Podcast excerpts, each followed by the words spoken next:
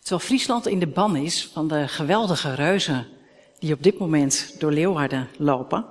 En we hopen daar vanmiddag ook naartoe te gaan. Terwijl we getuigen zijn van een heldhaftige poging om de Elfstedentocht te zwemmen. Wat een kan je. Mogen wij ons buigen over de reus uit het Nieuwe Testament. Petrus.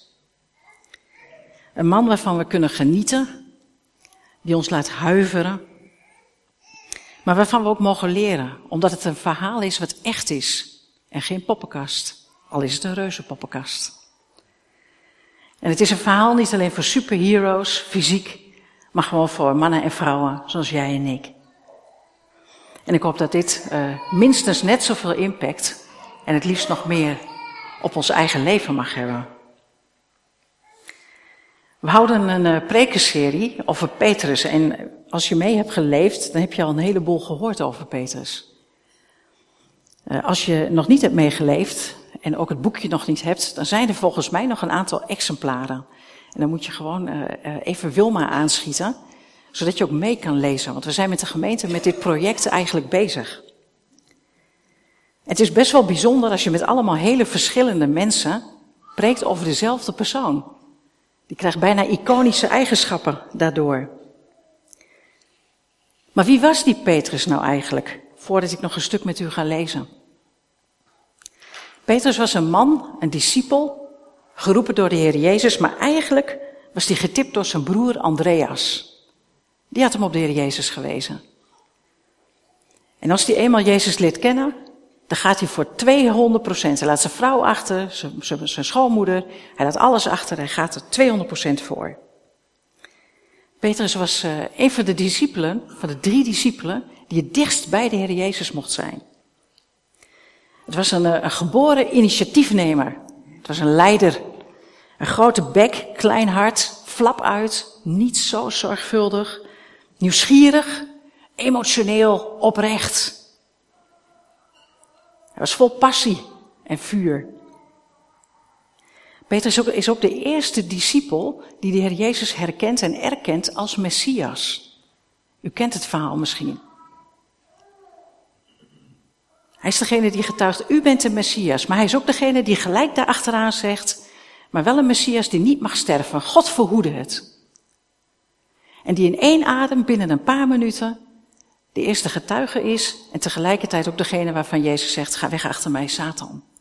Want je wil mij van mijn bediening aftrekken. Hij is gevoelig voor het spirituele. Want anders kan dat nooit in vijf minuutjes plaatsvinden. Hij is ook degene die, en dat verhaal kennen jullie ongetwijfeld, die op het water springt om naar Jezus toe te lopen. En terwijl hij dat doet, denkt, oh, oh my, wat ben ik aan het doen? En zichzelf onvoldoende vertrouwt in het water zakt, maar dan pakt de Heer Jezus pakt hem terug. Hij is degene die met een zwaard gewapend, want tenslotte had de Heer Jezus dat gezegd, naar de olijftuin gaat. Want hij zal Jezus verdedigen. Hij zal hem beschermen. En hij hakt Malchus dat oor af, waarna Jezus dan dat oor weer geneest. Het is de man waarvan de Heer Jezus zegt, en dat heeft uh, Wilma met ons gelezen, dat Satan hem op gaat eisen. En erop, dat hij zin heeft om hem te zeven als tarwe. Het hem moeilijk maakt. En we lezen geen enkel zinnetje dat Jezus dat tegen gaat houden. Niets. Het staat er en het wordt waar. Het is de man waarvan Christus voorzegt dat hij hem drie keer zal verloochenen. En waarvan hij, ondanks dat hij dat weet, hem toch meeneemt de tuin in. En vraagt om met hem te bidden en om met hem te zijn. Petrus is de man waarvan Christus zegt, ik bid voor jou dat jouw geloof niet zal bezwijken. Is trouwens een gebed wat wordt verhoord. Dat is dan wel weer heel mooi. En het is inderdaad de man die Jezus drie keer verloochent. Het is de man met wie Christus een ontmoeting heeft waar we maar heel weinig over lezen, terwijl ik ongelooflijk benieuwd ben hoe dat gesprek heeft plaatsgevonden. We lezen eigenlijk alleen maar in Lucas uh, dat hij Jezus ontmoet heeft. That's it. En dat heeft plaatsgevonden voor het gedeelte wat ik zo meteen met jullie ga lezen. En wat ik met jullie ga lezen is een uh, ontmoeting met de Heer Jezus en een aantal discipelen. Waarbij de Heer Jezus uh, voor een stuk voor een ontbijt zorgt, maar vervolgens drie vragen aan Petrus stelt. Frontaal tussen de discipelen die aanwezig waren. Laten we bidden. Heer God, voordat wij uw woord openen, willen we u uitnodigen. Willen we u uitnodigen om onze harten te openen.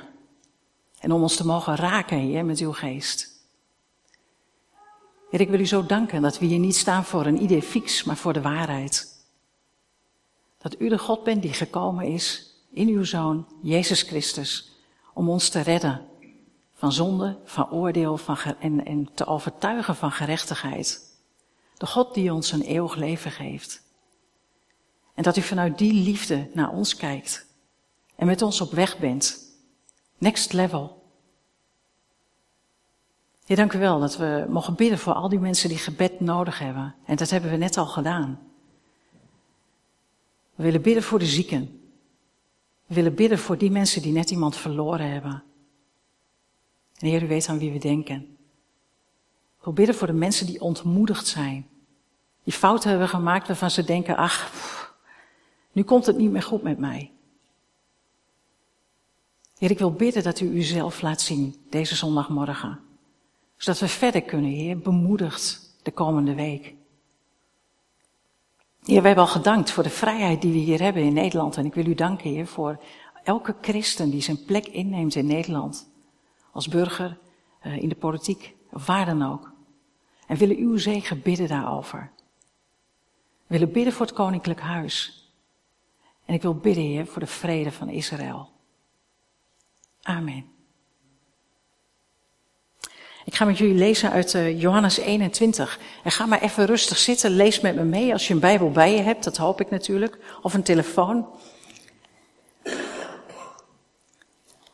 Ik ga hem heel rustig met jullie lezen. Het is uh, best een uh, stukje.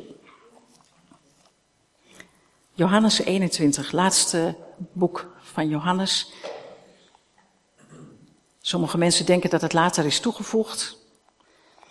Maar ik denk dat het er helemaal bij hoort en dat het ons heel veel kan leren. Hierna, dat betekent na de verschijning aan Thomas en uh, na de opstanding en de eerste verschijningen, hierna openbaarde Jezus zich opnieuw aan de discipelen bij de zee van Tiberias. En hij openbaarde zich aldus. Daar waren bijeen Simon Petrus, Thomas, genaamd Didymus, Nathanael van Cana in Galilea, de zonen van Zebedeus en nog twee van zijn discipelen. En Simon Petrus die zei tegen hen, ik ga vissen. En zij zeiden tot hem, we gaan met u mee. En ze vertrokken en gingen schepen en in die nacht vingen ze niets. En toen het reeds morgen werd, stond Jezus aan de oever. En de discipelen wisten echter niet dat het Jezus was. En Jezus zeide tot hen, kinderkens, hebt gij ook enige toespijs? Maar zij antwoordden hem, nee. Hij zei tegen hen, werp uw net uit aan de rechterzijde van het schip. En gij zult het vinden. En ze wierpen het net uit en ze konden het niet meer trekken vanwege de menigte van vissen. En de discipel dan, die Jezus liefhad, dat is overigens Johannes, die zeide tegen Petrus, het is de Heere. En Simon Petrus dan, toen hij dat hoorde, dat het de Heere was, sloeg zijn opperkleed om, want hij was ongekleed, en hij wierp zich in de zee. Maar de andere discipelen die kwamen met het schip, want ze waren niet zo ver van het land, maar ongeveer 200 el. En zij sleepten het net met de vissen. En toen ze dan aan land gekomen waren, zagen ze daar een kolenvuurtje liggen. En vis daarop. En brood. En Jezus zei tegen hun, breng van de vissen die ge thans gevangen hebt. En Simon Petrus ging aan boord en hij sleepte het net aan land vol grote vissen. 153. En hoewel het er zoveel waren, scheurde het net niet. Niet net niet, maar het net scheurde niet. En Jezus zei tot hen, kom en hou maaltijd. Maar niemand van de discipelen durfde hem de vraag te stellen, wie zijt gij?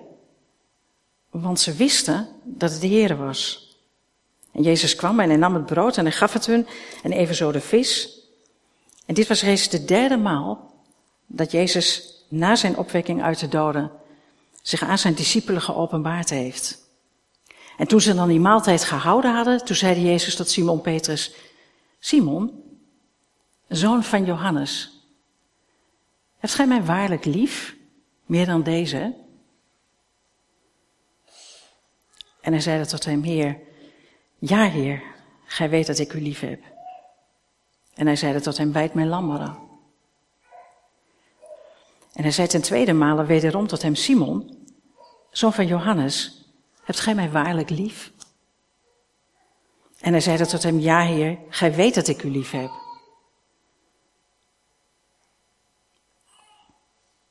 En hij zeide, hoed mijn schapen. En toen zei hij ten derde male tot hem, Simon, zoon van Johannes, hebt gij mij lief? En Petrus werd bedroefd. Dat hij voor de derde maal tot hem zei, hebt gij mij lief? En hij zeide tot hem, Heer, gij weet alles. Gij weet dat ik u lief heb. En Jezus zeide tot hem, wijd mijn schapen. Voorwaar, voorwaar, ik zeg jou, Petrus, toen je jonger was, toen omgorde je jezelf. Je ging waar je wilde. Maar wanneer je eenmaal ouder wordt, dan zul jij je handen uitstrekken en een ander zal u omgorden en je brengen waar je niet wil. En dat zeide hij om te kennen te geven met welke dood hij God verheerlijken zou. En dit gezegd hebbende sprak hij tot hem, volg mij.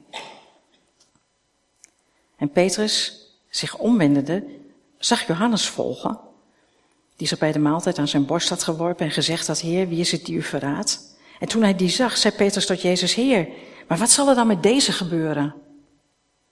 En Jezus zei tot hem, indien ik wil dat hij blijft, totdat ik kom, wat gaat u dat aan? Volgt gij mij? Ik vind het een bijzonder mooi gedeelte. Ik vind het ook altijd ontroerend om uh, te lezen. En eigenlijk is het een gedeelte waarin we twee lijnen zien. We zien een lijn van de Heer Jezus en we zien een lijn van Petrus. En ik zou ze heel graag met elkaar willen verbinden vanmorgen. De Heer Jezus wordt geportretteerd als Jehovah Jireh, de God die voorziet. Um, hij staat aan de waterkant wanneer ze na een dagje vissen niks uh, gevangen hebben. Um, en hij gaat een ontmoeting met ze aan. Hij is de gastheer, maar wel een hele bijzondere. Het is een gastheer die aan de ene kant de vis klaar heeft staan in het brood. Hè, want dat zo aten ze. Ze aten brood en dan hadden ze toespijs. Dat was vis of kaas of fruit. En hij vraagt hun van, joh, hebben jullie ook wat voor mij, hebben jullie wat voor mij gevangen? Hebben jullie wat? Heb je wat te bieden? En dan zeggen ze heel eerlijk nee. ze waren al een nachtje bezig. En dan zegt hij, nou gooi het net maar uit aan de andere kant. En dat doen ze. En dan vangen ze 153 vissen. En het net scheurt niet eens. Met andere woorden, God geeft tegen hun eigenlijk al niet meer zo hele hoge verwachting in. Geeft hij toch. En hij geeft veel, maar hij geeft niet te veel. Ze kunnen het aan, ze kunnen het handelen. Er zullen trouwens wel heel wat gedachten door ze heen zijn gegaan, want de Heer Jezus heeft dit kunstje eerder gedaan, hè? Misschien ken je dat verhaal wel, kom ik nog even op terug. De gast heeft het op een vuurtje liggen, maar hij heeft niet genoeg. Boeiend, hè? De Heer Jezus die de 5000 gespijzigd heeft, heeft niet genoeg. En hij vraagt hem van, joh, breng mij even wat van die vis. En Petrus die gaat gelijk, hè, zoals Petrus is, die gaat het gelijk regelen, joh. Met andere woorden, hij geeft wel, maar hij schakelt tegelijkertijd ook in. Hij voorziet prima, maar hij verwacht wel dat je dan ook wat terug doet. Dat je meekomt. Hij heeft een maaltijd met ze, maar die maaltijd maak je wel samen. Hij schakelt de mensen in. Hij is een gastheer. Hij is jouw gastheer. Hij is mijn gastheer. Maar hij is geen pemperaar. En soms hebben we wel eens dat beeld van God, van nou, als we christen zijn, dan komt het allemaal goed. Dan hebben we geen last meer, geen toestanden. Dan komt het dus allemaal appeltje eitje. Maar dat is niet zo. Dat belooft hij nergens. Hij belooft zijn nabijheid, maar hij belooft geen appeltje eitje. En hij heeft brood en vis, maar net niet genoeg, want je moet zelf ook komen. En dan komen ze. En dan weten ze eigenlijk niet wie het is. Ja, ze weten het wel, maar ze weten het ook niet. En dat zien we na de opstanding. Hè? Dat Heer Jezus ziet er blijkbaar toch anders uit. En hij maakt in één keer de verhoudingen duidelijk. Hij is Jezus. Hij voorziet. Hij regelt. Hij orchestreert. Zij mogen gehoorzamen. Hij is de Heer die wonderen doet. Hij is de Heer die zijn discipelen ziet. Een nieuwe dag. Tijd voor ontbijt. En die zorgt dat ze een ontbijtje nemen. Is mooi hè, als je daarbij stilstaat. Dat de Heer daar ook nog in geïnteresseerd is. Hij had ook op een uurtje of tien en zo een afspraak met ze kunnen maken, bij wijze van. Maar hij ontmoet ze in de morgen. Vroeg. Na een, uh, een bijzonder teleurstellende nacht van niks vangen. Dit is niet de Jezus die ze kenden. Dit is niet de Jezus waar ze drie jaar mee op waren getrokken. Wij vergeten dat wel eens. Dit is de, niet de mens Jezus, maar de Jezus die zich openbaart aan de discipelen. Het is een ander niveau. Hij staat op een ander niveau. Want tussen zijn kruisiging en dit moment, tussen zijn kruisiging en de opstanding, is zo verschrikkelijk veel gebeurd. Joh, daar hebben ze geen, geen weet van. Next level? Absoluut. Absoluut. En als je die beschrijving leest, was het bovendien ook niet zo'n heel gezellig feestje. Je moet het maar eens heel rustig lezen, gewoon als je een keer alleen bent. De Jezus nodigt uit om te eten, maar het wil nog niet zo. Dan gaat hij het maar uitdelen, maar ze pakken ook niet uit zichzelf wat. Uh, misschien was er wel een beetje zo'n gespannen sfeertje, want ja, weet je, uiteindelijk was er geen meer bij, uh, bij zijn sterven, hè? Ja, Johannes. Maar de rest had hem allemaal alleen gelaten. Allemaal. Niet echt een feestje. Kun je je voorstellen dat je iemand behoorlijk verraaien hebt en dan heb je zo'n ontmoeting.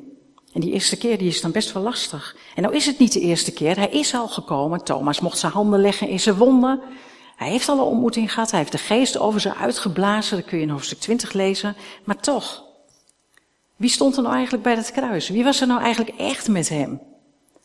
En bovendien ze hadden best een lastige vraag. Drie jaar waren ze met hem opgetrokken. Drie jaar van hun leven hadden ze apart gezet. En nou, ja, hij was dan wel opgestaan, maar wat nu dan? Wat nu dan? Nou, ik ga vissen, zegt Petrus. Dat wist hij, dat kende hij, dat kon niet. Wilma legde de vorige week in haar preek zo mooi de nadruk op dat God met Petrus doorgaat los van de keuzes die hij gemaakt heeft. Want was die verloochening een foute keuze? Ja, het eh, was een foute keuze. Maar God gaat door met Petrus. In dit verhaal is daar een heel mooi voorbeeld van. Want niet alleen de Heer Jezus is, met alle respect zeg ik dat hoor, een next level Heer. Maar ook Petrus zien we hier naar een next level groeien.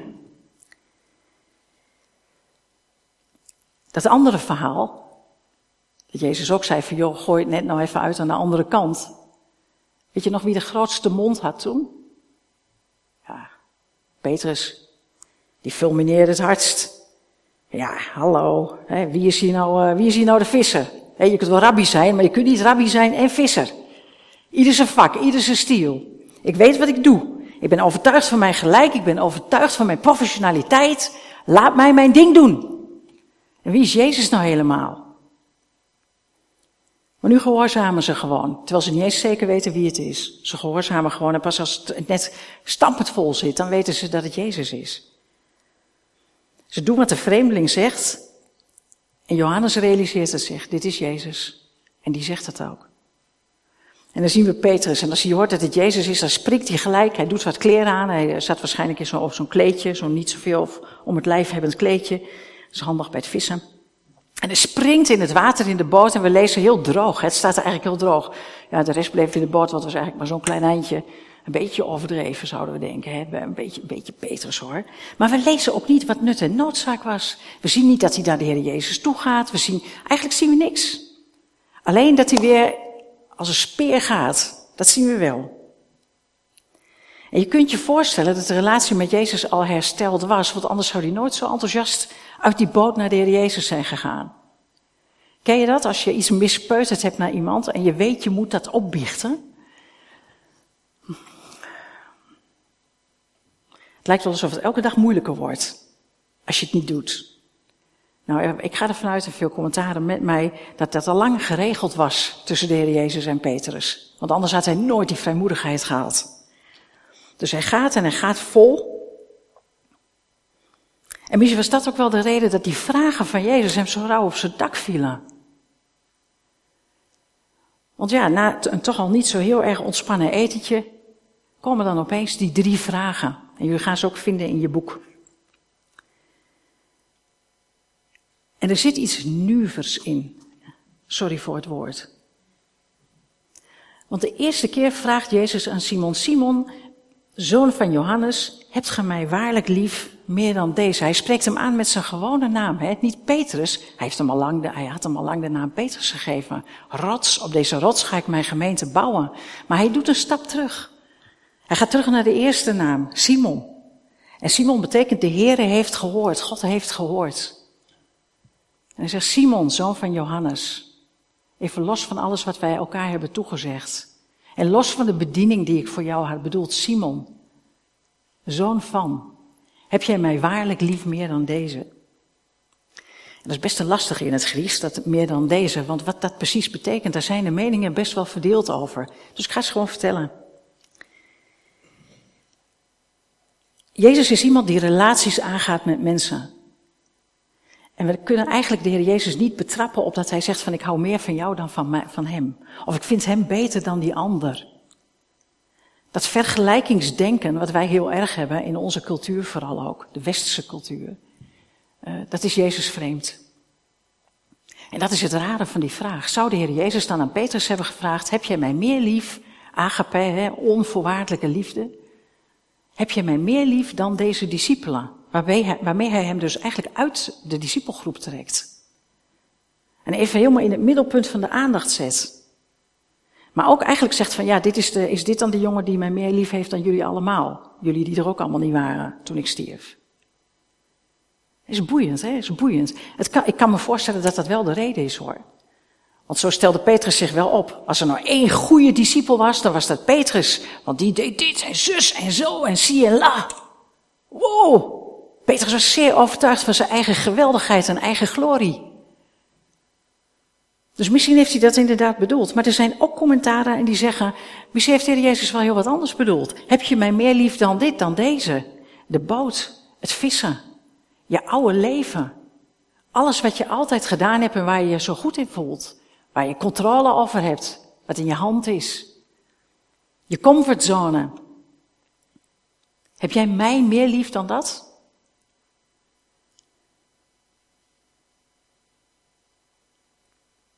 Er zijn mensen die halen heel veel uit het feit dat de Heer Jezus zegt, hij gebruikt het woord agape, hè, onvoorwaardelijke liefde.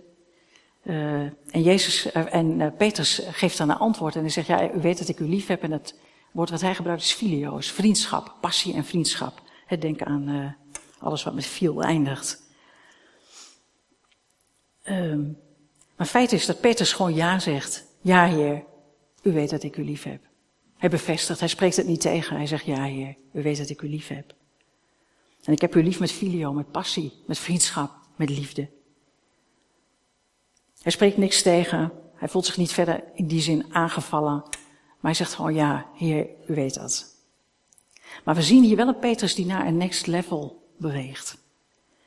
Niet omdat ik Petrus iets vind, maar omdat u dat weet. Daarom is het zo. Petrus had niks meer te melden. Want alles wat hij deed was eigenlijk weggevaagd in een drie, drievoudige verlogening. Wat kon hij nou nog, waar kon hij nou nog op bogen? Waar kon hij nou nog voor staan? En op het moment dat die stoere, sterke Petrus door Satan werd gezeefd, hè, zoals we dat gelezen hebben met, eh, met Wilma, dan komt er opeens een niet bij zijn persoonlijkheid passende angst, waardoor hij Jezus gaat verloochenen. Ik geloof dat dat satanisch was. Daar werd hij aangevallen tot in zijn kern. En doet hij opeens dingen die totaal niet passen bij de rest van zijn persoonlijkheid. Het belemmerde hem om voor Jezus te staan, maar vooral ook om voor zichzelf te staan. En daarom zien we hier nu een Petrus zonder toeters en bellen. Een Petrus die uh, geen opsmuk gebruikt, geen grote woorden, maar oprecht en kwetsbaar. U weet dat ik u lief heb. Wijd mijn lammeren, zegt Jezus. En dan komt de vraag voor de tweede keer. Maar nou zonder die vergelijking met meer dan de anderen. Gewoon, hebt gij mij waarlijk lief? Laten we wel wezen, dat was wel een vraag die toen deed. Want Petrus had zijn eigen godsbeeld gemaakt, zijn eigen messiasbeeld. En dat messiasbeeld was een beeld van een messias die niet leed, die overwinnaar was, die de, de strijd ging winnen. Dat was een messias waarvoor hij ging en waarvan hij dacht dat dat ook zo moest. En waarvan hij dacht dat Jezus dat ook ging doen. En Jezus was totaal anders geworden. Had totaal wat anders gedaan. Dat was de reden dat Judas, even los van alle satanische toestanden, maar dat was ook een van de redenen waarom Judas hem niet meer zag zitten. Het beeld viel zo tegen. Jezus deed totaal wat anders. En daarom is die vraag zo belangrijk. Heb jij mij werkelijk lief? Heb je me waarlijk lief? Mij, Jezus, die ik nu ben. Want hoe kan ik mijn gemeente bouwen als jij een heel ander beeld van de Messias hebt? Dan kan ik je toch niet gebruiken, dan kan ik je niet inzetten. Simon, zoon van Johannes.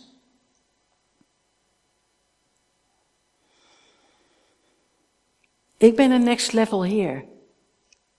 Maar ben jij ook bereid om mij next level te volgen? En opnieuw zegt Petrus, maar gij weet dat. Gij weet het. Er is geen trots, hè? Geen trots van, oeh, nou heeft Jezus gezegd, wijd mij lammeren. Nee. Het is gebrokenheid. Het is overgave. Zie misschien wel voor het eerst een hele andere Petrus. Dan kan ik me voorstellen dat ondertussen de discipelen zoiets hadden van, het is wel heftig, hè? twee keer al. En misschien heeft de enkeling het wel aanvoelen komen, nou die derde keer gaat er ook nog wel komen. Maar je kunt je ook, je, kunt je ook indenken, het was niet echt een feestelijk gebeuren daar, toch? Maar er komt toch, die, die derde vraag komt nog een keer. En dan gebruikt de Heer Jezus dezelfde term, filio. Heb je mij waarlijk lief? Dezelfde term als Petrus zelf iedere keer gebruikt heeft. En als het al wat had betekend, dan zou je denken dat Petrus zich dan blij zou voelen van, hé, hey, hij snapt mij. Hij gaat akkoord met mijn filio. Maar dat staat er niet. Hij is diep bedroefd. Petrus is bedroefd dat het nu voor de derde keer nog een keer gevraagd wordt. Is dat nou nodig? Is dat nou nodig? Nou, die relatie tussen Petrus daar was het, en de Heer Jezus, daar was het niet voor nodig, want die relatie was al hersteld. Het maken van fouten, het nemen van een verkeerde afslag. En we doen het allemaal, hè mensen. Een gebrokenheid in je leven. Het verandert helemaal niets aan jouw bestemming. Het veranderde ook niks aan de bestemming van Petrus. Dat kun je wel zo voelen trouwens, hè, voor jezelf. En je kunt er ook op aangevallen worden. Dat je weet, dit is mijn bestemming. En dat je allemaal van die gedachten hebt van, joh, wie denk jij nou wel helemaal dat je bent? Kom nou zeg. Leugens, allemaal leugens. Gewoon afscheid van nemen. Jezus laat juist prachtig zien dat hij alle vertrouwen heeft in Petrus. Alleen hij vraagt hem wel tot in de diepste kern van joh, voor wie kies jij? Kies jij voor mij, voor wie ik nu ben? En wil je van mij houden zoals ik nu ben? Eigenlijk was het een soort openbare, hoewel in besloten kring, herpositionering van de positie van Petrus. Het is een moment, een ultiem moment vind ik, van Gods genade Petrus, jij krijgt, Simon moet ik zeggen, jij krijgt niet wat jij verdiend hebt. En je krijgt wel iets wat je, sorry, jij krijgt niet wat je verdiend hebt en je krijgt iets wel wat je niet verdiend hebt. En die genade is soms zo groot dat wij daar niet eens altijd aan toe zijn. Ik kan me ook wel voorstellen dat er discipelen zijn geweest van, nou lekker makkelijk, daar komt hij genadig vanaf met drie keertjes. Mooi is dat. Dus even verraten voor de hele boel. Drie vraagjes. Wijk me lammeren en hij wordt weer de rots. Hoppa. Soms hebben wij dat ook, hè? Dan beleidt iemand zijn zonde en dan denk je, ja, lekker makkelijk. Maar we hebben het recht niet. We hebben het recht niet. Want als Gods genade genade is, dan mogen we met die genade meeleven. En dan mogen we daarin meegaan. Als God iemand in ere herstelt, en dat heeft hij gedaan met jou, met mij, door zijn liefde, door zijn genade, dan mogen wij daar ook mee leven. Dan hebben we dat te accepteren. En als iemand jou om welke reden dan ook onterecht in een nare positie brengt, dan mag je dat bij God brengen. Dan mag dat, ik noem dat lijden. Dan mag je dat lijden bij God brengen. En daarna mag je het daar lekker laten.